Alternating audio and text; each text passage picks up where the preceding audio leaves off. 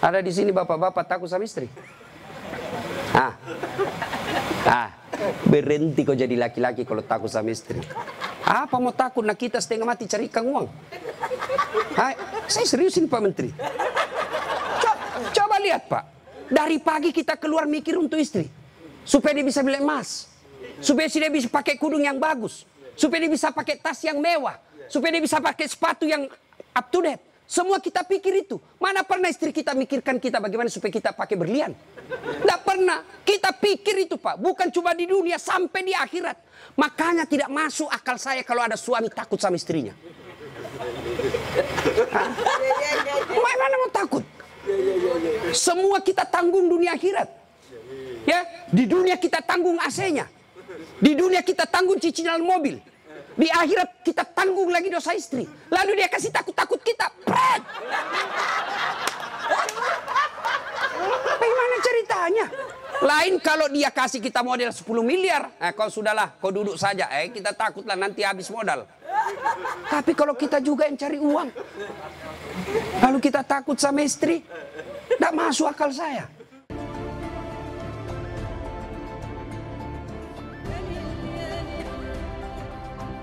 Akhirat.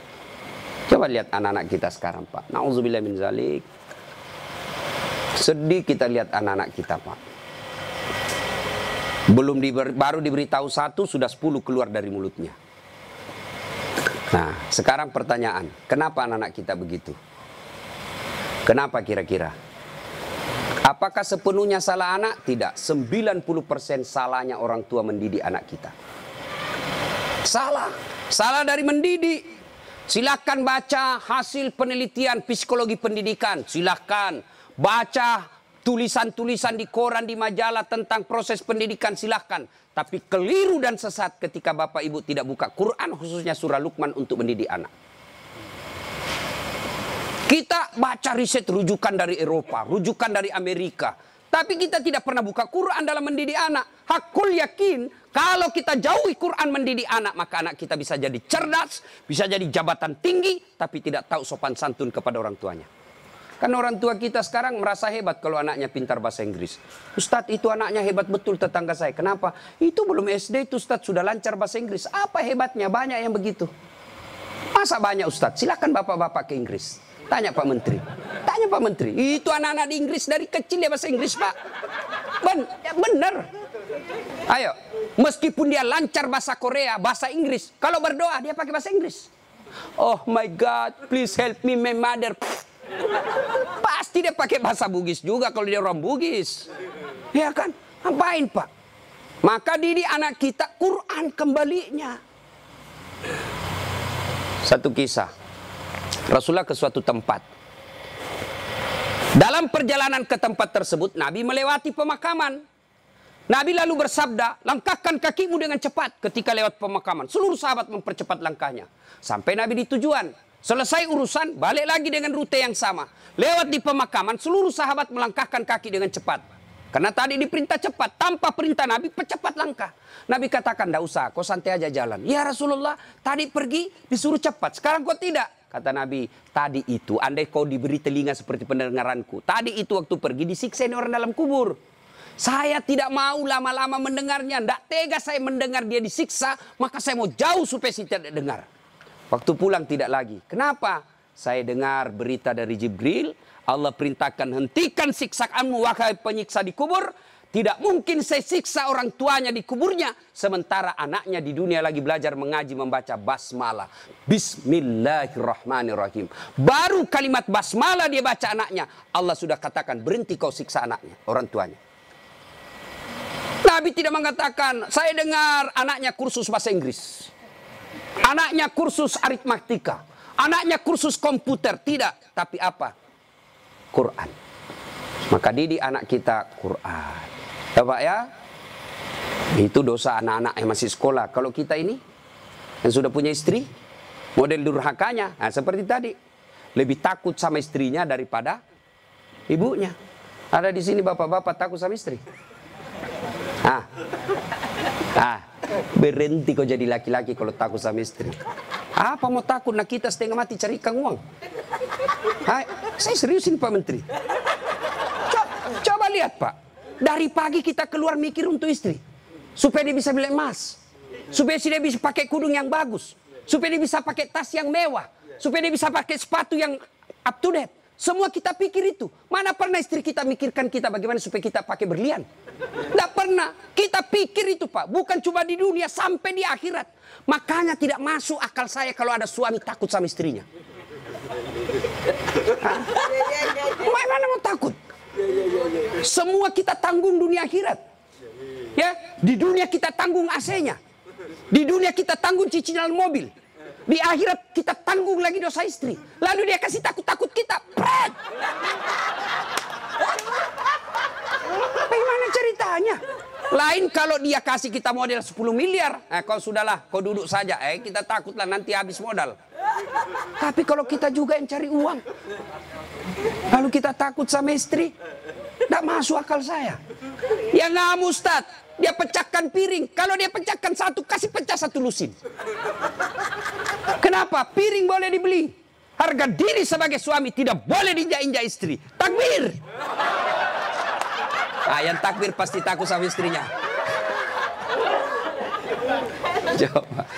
Nah, itu kan ada laki-laki dosa sama sama mertua, sama ibunya gara-gara takut sama istri. Contoh-contoh ya. Nih, dapat bonus di kantor. Lalu suaminya berkata, "Ma, ini kan Covid lama kita tidak kunjungi bapak di kampung. Kita kunjung tentu bawa wabah buat ibu bapak kita. Sudahlah, ini bonus kita kita transfer aja. Mudah-mudahan ini bisa digunakan ibu beli makanan kesukaan. Dia menikmati air usia senja. Apa kata istrinya? Apa? Ibumu, ibumu, ibumu terus. Kawin kok sama ibumu? Nih dongo. Mana orang bisa kawin sama ibu? Ada kan ibu ngomong begitu, beleng-beleng. Ini asli beleng-beleng. Mana bisa pilih kok, mamamu atau saya? Mana bisa dipilih antara ibu dengan istri? Ini pilihan yang tidak masuk di akal. Kalau saya istri saya bilang begitu, ceraikan saya. saya. Sini kok, saya ajar kok bagaimana isi formulir penceraian. Benar pak, jangan sampai bapak berdosa gara-gara takut sama istri. Hilang berkah hidup rumah tangga kalau ibu takut sama istri berbuat baik sama orang tua gara-gara takut sama istri. Mestinya istri yang baik. Dia sujud syukur ketika mertua anaknya. Kenapa? Berdoa ya Allah, mudah-mudahan anakku juga seperti ini ketika saya curah. Sudah punya istri, masih mengingat saya. Tapi kalau dari kecil anak kita dipertontonkan tidak boleh berbuat baik sama mertua, maka begitu ibu nanti juga tua dikasih masuk panti jompo sama anak mantunya. Si mau kok. Ini dari ibu ya. Mestinya sujud syukur. Alhamdulillah saya punya suami perhatian betul sama mertua. Mudah-mudahan anak saya juga seperti ini. Ya Allah terima kasih kau kirim orang tua ini. Gara-gara ini orang tua saya punya suami jadi menteri.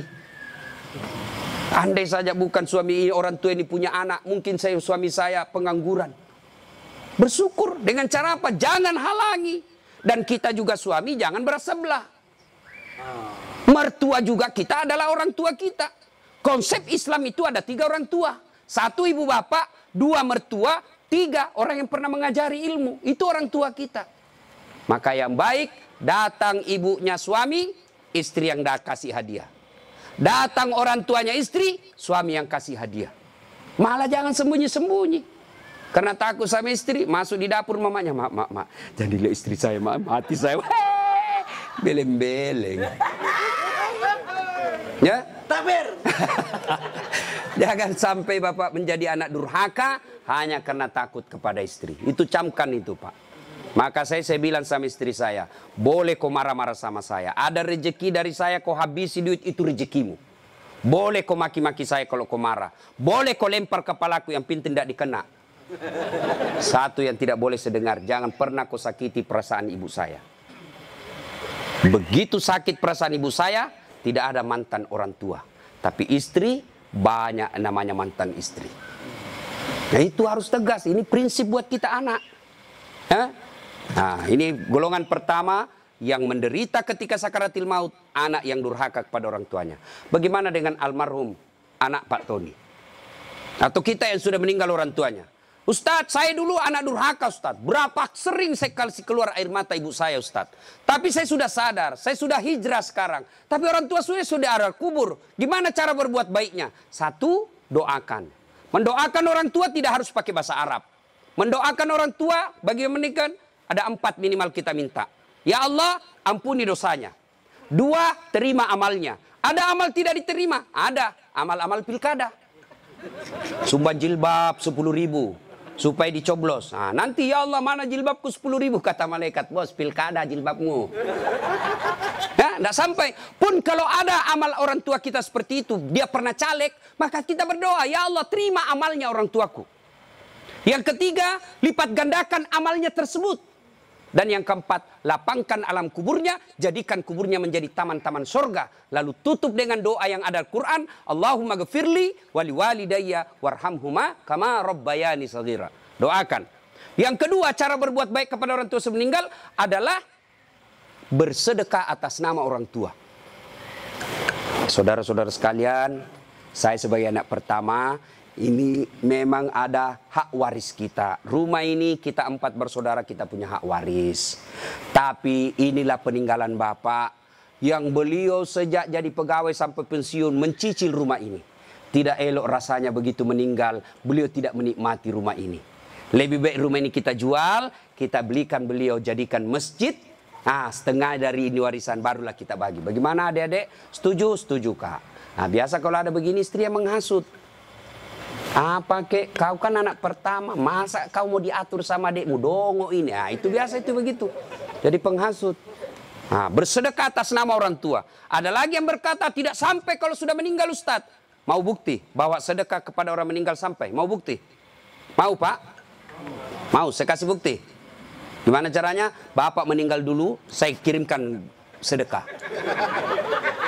Sebab yang begini alam gaib Pak, tidak bisa diakali.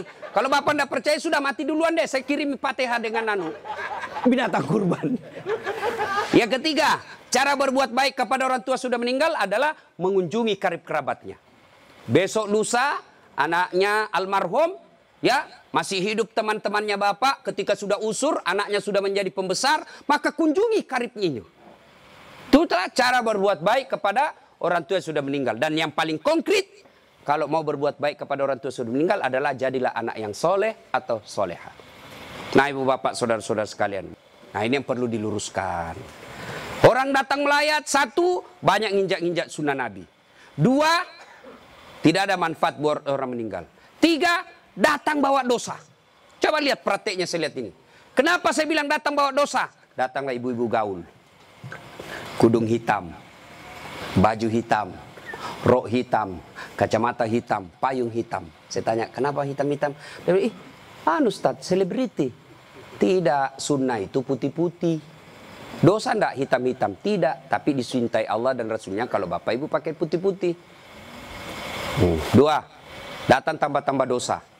Itu tadi sunnah sunnah Nabi. Yang kedua, datang tambah-tambah dosa. Kenapa tambah-tambah dosa? Datang cerita jelek aja orang, Pak. Lewat satu, terutama ibu-ibu tuh. Mulai pintu dia lihat pak. Mulai dilihat dari ujung rambut sampai ujung kaki. Lewat si kobi itu kata orang Bugis. Si kobi nih. Apa? Dia tidak cerita tapi mulutnya matanya sinis. Kenapa lipstiknya palsu? Kenapa kau tahu melengket di giginya? Hmm, sudah satu dia gosip, lewat lagi satu. Tidak serasi kudunya sama roknya. Dia bilang iyo kayak umbul-umbul. Bahkan Ustadz pun digosipnya. Lewat Ustadz Dasar, ih, itu juga bajunya yang di Youtube. Tadi saya lewat, ada saya dengar, ih, itu juga bajunya yang di Youtube itu Pak Ustadz. Kenapa? Saya pakai baju yang sibuk. Nah, itu gosip. Maka ibu majelis taklim saya di Makassar, saya anjurkan. Ibu datang melayat, satu, ada wudhu. Dua, bawa Quran minimal surah Yasin. Tiga, begitu datang, ibu baca Yasin bareng-bareng. Tidak bisa baca Yasin bareng-bareng. Itu majelis taklim yang baik. Ketua majelis taklimnya, saudara-saudara sekalian, mari kita baca Yasin bareng-bareng, saya pimpin. Itu majelis taklim yang manfaat. Bukan ngurus baju seragam. Apalagi memanfaatkan pilkada. Pak, anggota majelis taklim saya 300 Pak. Tapi amban Pak, tapi minta tolong seragam Pak ya. Ah. Ada juga majelis taklim memanfaatkan begitu proposal banyak ketika pilkada. Nah, maka majelis taklim yang bagus, ada orang wafat, pimpin tahlilan. Sudah itu tidak bisa baca Yasin Ustaz. Eh, sudah baca Al-Fatihah. Buru-buru Ustaz. Eh sudah baca Kul Kul huwallah tiga kali. Masih juga buru-buru Ustaz. Sudah tidak tahu baca itu semua Ustaz. Sudah baca saja. La ilaha illallah. La ilaha illallah. La ilaha. Itu aja kita ulang-ulang selama kita melayat. Itu pun tidak bisa Ustaz. Ya sudah kau diam saja. Tidak bisa juga diam Ustaz. Ya cepat kau pulang. Daripada tinggal bawa dosa saja. Nah, sudah. Yang ketiga, kenapa tidak ada manfaat buat orang meninggal? Tidak ada yang sholat jenazah. Bagaimana orang lain mau sholat jenazah? Keluarganya aja tidak ada sholat jenazah. Mantunya sibuk ngurus ambulans, iparnya sibuk ngurus tenda, anaknya sibuk ngurus konsumsi. Tidak ada ikut sholat jenazah. Orang lain yang sholat jenazah. Orang lain belum tentu ikhlas. Eh, banyak yang sholat Ustaz. Kenapa banyak? Karena bapaknya menteri. Jadi tidak ikhlas orang. Tapi coba kalau keluarganya, pasti ikhlas. Saya hampir jarang sekali melihat ibu-ibu sholat jenazah. Jarang. Maka jangan heran ketika ibu meninggal sedikit juga yang sholat jenazah. Kenapa? Karena waktu hidup jarang dia sholat jenazah. Maka wafatnya pun sedikit yang sholat jenazah. Ustadz tidak muat rumahnya Ustadz. Di teras. Ustadz tidak ada air. Tayamum. Ustadz tidak ada air. Boleh tidak wudhu. Imam Sapi mensyaratkan wudhu. Imam Ahmad boleh tidak wudhu. Karena itu bukan sholat. Dia hanya doa. Saya tidak tahu bacanya Ustadz. Ikut saja sama imam. Yang penting takbir empat kali, jangan ruku. Kalau bapak ruku, siap-siap malu sendiri. Nah, ini ini cerita, wallah walam benar atau tidak. cerita ini takbir imam. Allahu Akbar. Takbir juga dia. Allahu Akbar. Takbir kedua imam. Allahu Akbar. Dia ruku. Dia, ih kenapa saya sendirian ruku ini? Takbir ketiga imam. Dia, eh, sekalian sujud deh. Dia sujud. Pas selesai sholat ditanya. Hei, kenapa kau sujud. Dia bilang ini orang banyak sekali dosanya. Tidak diampuni kalau tidak ruku. Supaya habis sekalian ya sekalian saya sujud. Ah ini jawaban orang kepepet. Nah ibu bapak saudara-saudara sekalian. Ya. Habis baterainya. Ibu bapak yang saya muliakan. Nah, masuklah diantarlah kita. Nah, diantar ini lagi yang banyak kadangkala mempermalukan Islam. Saya tidak tahu kalau di sini. Saya melihat kalau di daerah Sebagian Makassar Pak, uh, orang meninggal kala-kala demo Pak.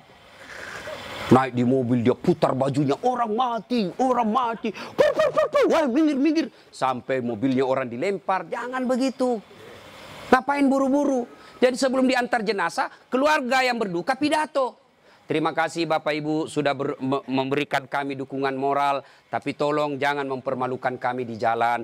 Jangan lagi menambah duka kami dengan mengganggu pengguna jalan yang lain. Saya kalau pergi mengajar tiba-tiba jenazah di mobil jenazah, bagus cara pengantarannya, saya minggir Pak, saya kirimkan Fatihah. Kirim Fatihah untuk Rasulullah saya ikutkan jenazah yang diantar. Tapi kalau menakutkan, tidak ada yang mau doakan. Ya, Ngapain buru-buru? Ih sudah ngapain buru-buru? Kan ada lagi yang paham tidak tahu dari mana dia belajar. Katanya kalau terlambat disiksa. Bagaimana ceritanya? Kalau dilewati lima manu disiksa orang meninggal. Eh, orang meninggal kalau dia itu orang sholat bagi orang yang hidup orang meninggal tidak bakal dia disiksa gara-gara dia terlambat dikubur. Ngapain buru-buru? Itu juga sudah ada anunya, liangnya sudah siap, semua apa perluan pemakaman sudah siap. Apalagi kalau ada wasiat orang yang meninggal. Jangan kau kubur saya sebelum anakku datang dari Amerika. Wajib kita tunggu. Itu wasiat. Ada tujuh kewajiban orang hidup terhadap orang mati. Satu di antaranya wasiat. Kecuali wasiatnya bertentangan agama atau melanggar uh, mengandung mudarat. Misal, jangan pernah kau kuburkan saya di tempat kopi. Kuburkan saya di kampung. Tapi keputusan pemerintah pukul karena dia wafat karena COVID ya boleh tidak diamalkan wasiatnya. Kenapa? Karena dia mengandung mudarat. Atau dia bilang kuburkan saya di kampung. Tapi begitu mau dikuburkan ada badai, tidak bisa nyebrang pulau. Nah, boleh itu karena di luar kemampuan kita. Atau besok-besok saya meninggal kasih narkoba di atas kuburku. Karena dia pecandu narkoba. Anda ah, boleh itu Pak, melanggar ya. Jadi Bapak saudara-saudara sekalian. Nah sampailah kita di pemakaman. Nah ini juga yang perlu diluruskan. Berapa banyak orang yang sampai pemakaman tidak melaksanakan sunnah Rasul. Diajarkan begitu sampai pemakaman ucapkan Assalamualaikum ya ahlal kubur. Ya, tidak tahu itu cukup. Semoga keselamatan bagi kemuliaan ke semua penghuni kubur. Insya Allah saya ikut menyusulmu. Nah, ada lagi pelanggaran yang kita lakukan apa? Menginjak-injak batu nisan. Tidak boleh sama menduduki batu uh, api neraka itu Pak. Ada yang sampai duduk sambil merokok di atas batu nisannya orang. Tidak boleh. Pemakamannya padat Ustaz. Bapak tidak usah masuk. Cukup yang, yang memikul. Bagaimana yang memikul Ustaz? Eh boleh karena dia darurat. Karena kalau satu langkah jatuh Pak, jatuh jenazah. Sudah dimakamkan? Nah, sudah selesai. Kembalilah pemakam. Ya, tinggallah kita. Bapak merantau ke Papua. Tidak nyaman di Papua, kembali ke kampung Sulawesi Tenggara. Merantau lagi ke Surabaya, di Surabaya tidak nyaman, kembali lagi ke kampung. Merantau lagi ke Makassar, Makassar tidak nyaman, kembali lagi ke kampung. Masih ada pilihan. Bapak pegawai negeri ditugaskan ke Papua, tidak nyaman, tidak ada sinyal. Bapak boleh pensiun dini. Tidak disenang saya sama menteri saya, boleh Bapak pensiun dini, tidak ada masalah. Tapi begitu Bapak masuk kubur, senang tidak senang, tinggal kau di situ, tidak boleh kau keluar lagi. Siapa orang yang tersiksa di dalam kubur? Yang pertama kata Nabi, al-mutahawilu bis yang menganggap enteng solat. Orang yang menganggap enteng solat pak, jangan sudah. Solat itu di akhirat nanti barcode. Bapak beli elektronik kan sekarang pakai barcode. Ya kan? Nah, Bapak begitu setor jualan, titik. Ah, berarti ini boleh bawa. Di akhirat kalau Bapak di barcode, ah, bagus solatnya. Tidurkan dia kata Nabi seperti tidurnya tidur pengantin baru. Tapi di barcode, eh, hilang, redup-redup. Ah, ini macet. Ah, ini solat Jumat hari Jumat saja. Paling terlambat datang, paling cepat pulang. Orang khotbah dia tidur. Begitu bangun aliran apa yang tidak ada khutbahnya? Bukan aliran apa, kau yang tidur beleng. Percaya apa? Orang yang tidak ada solat demi Allah. Bapak tidak puasa masih boleh disebut Islam.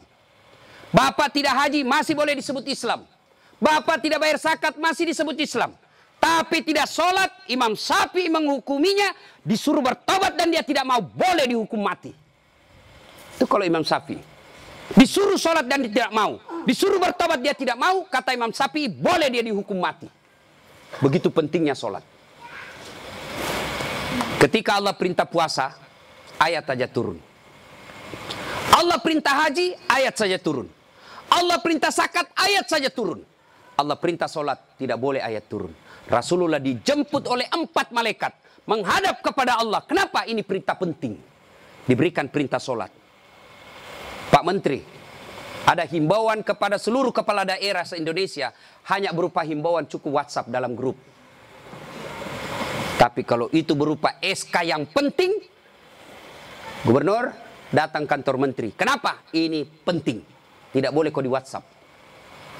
Solat demikian pentingnya sehingga Nabi harus diundang menghadap. Itulah disebut Isra dan Mi'raj. Bapak kerja jadi Grab, jadi menteri, Munafik kalau Bapak katakan bukan untuk dunia saya. Bohong.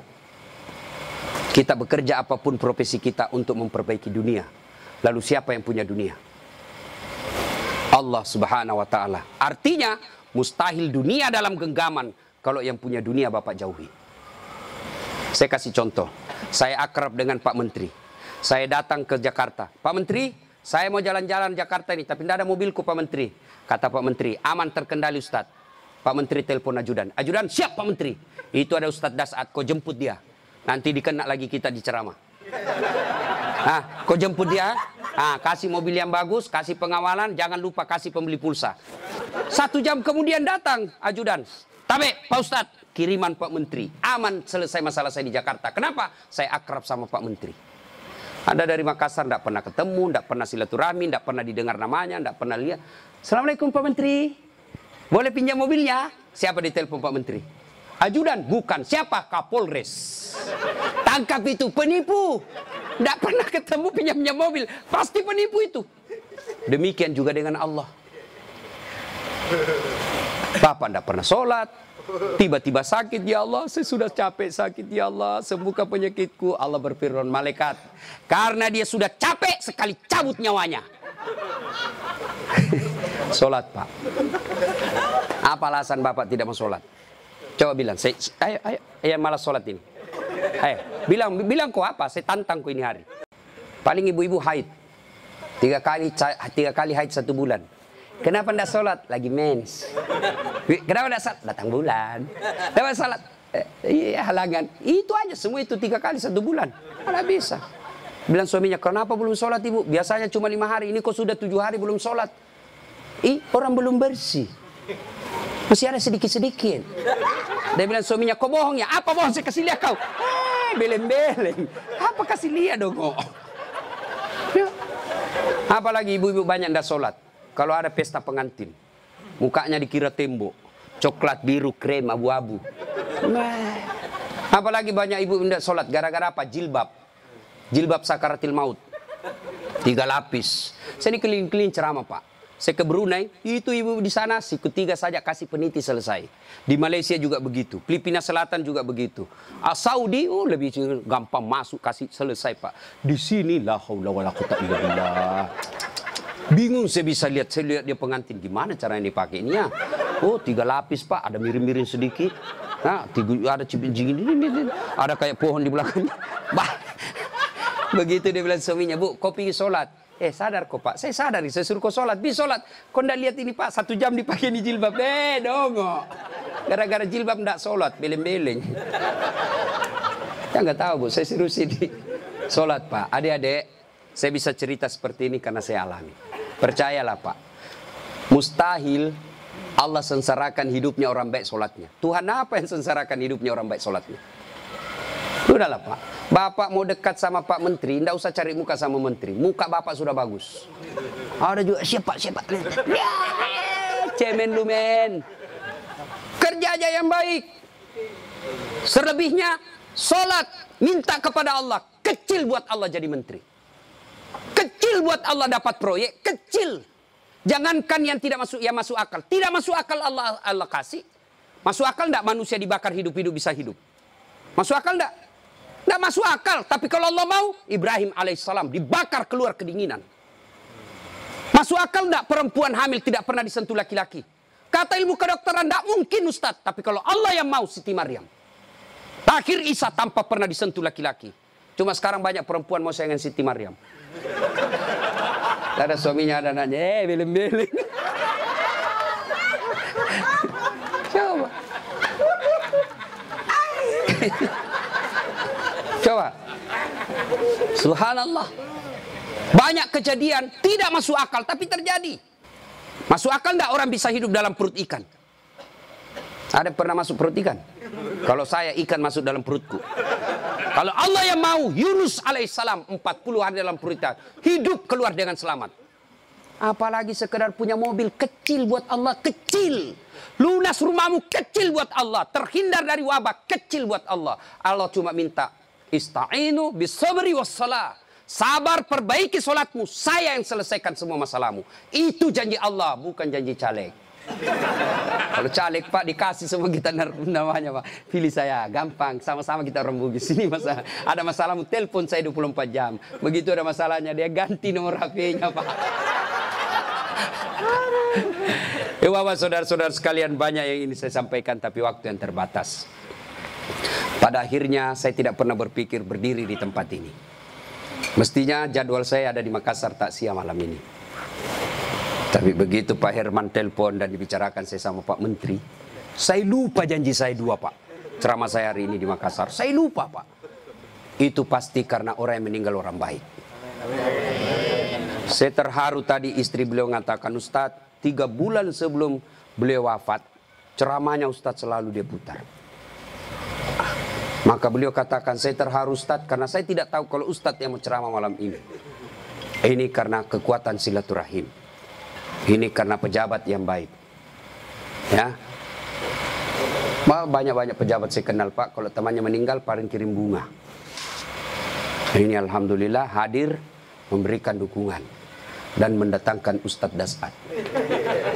Ngacu Pak Eko. Alhamdulillah. Ya Bapak, saudara-saudara sekalian, sebelum kita akhiri, saya mau bertanya dan ini pasti dicatat oleh malaikat. Apakah Bapak Ibu bersaksi bahwa almarhum orang baik? Kalau ada dosa dan kesalahan dimaafkan? Catat ya, ya malaikat, inilah menjadi amal kebaikan buat almarhum. Banyak yang ingin saya sampaikan, tapi waktu yang sangat terbatas. Untuk ingin mendengarkan ceramah saya lagi, gampang, silahkan buka channel YouTube saya, Das Latif Ha? Jangan lupa like and share. Atau di Instagram Das Atlatif 1212. Terima kasih. Sebagai kesimpulan, kullu nafsin sa'ikatil maut. Semua yang hidup pasti akan mati. Al mautu babun. Mati adalah pintu yang setiap kita pasti melewatinya. Karenanya yang jadi masalah sesungguhnya bukan mati itu. Yang jadi masalah adalah sudah siapkah kita menghadapi kematian itu? Dan apa bekal sebaik-baik dalam menghadapi kematian? Satu di antaranya takwa, dan takwa itu operasionalnya, wujud nyatanya. Birrul walidain, berbuat baik kepada kedua orang tua, dan peliharalah solat dengan sebaik-baiknya. Demikian, lebih dan kurangnya mohon dimaafkan. Nun wal kalam ya misturun, illahi pisabilil haq. Sebelum kita akhiri, mari kita kirimkan suratul Fatihah kepada Rasulullah Muhammad sallallahu alaihi wasallam. Hasiat dan keutamanya kita ikhlaskan untuk almarhum Bapak Tony Effendi bin Muslim Effendi. Ila hadratil Nabi Mustafa Muhammad sallallahu alaihi wasallam, summa hususil ruhil almarhum Tony Effendi bin Muslim Effendi. Al-Fatihah.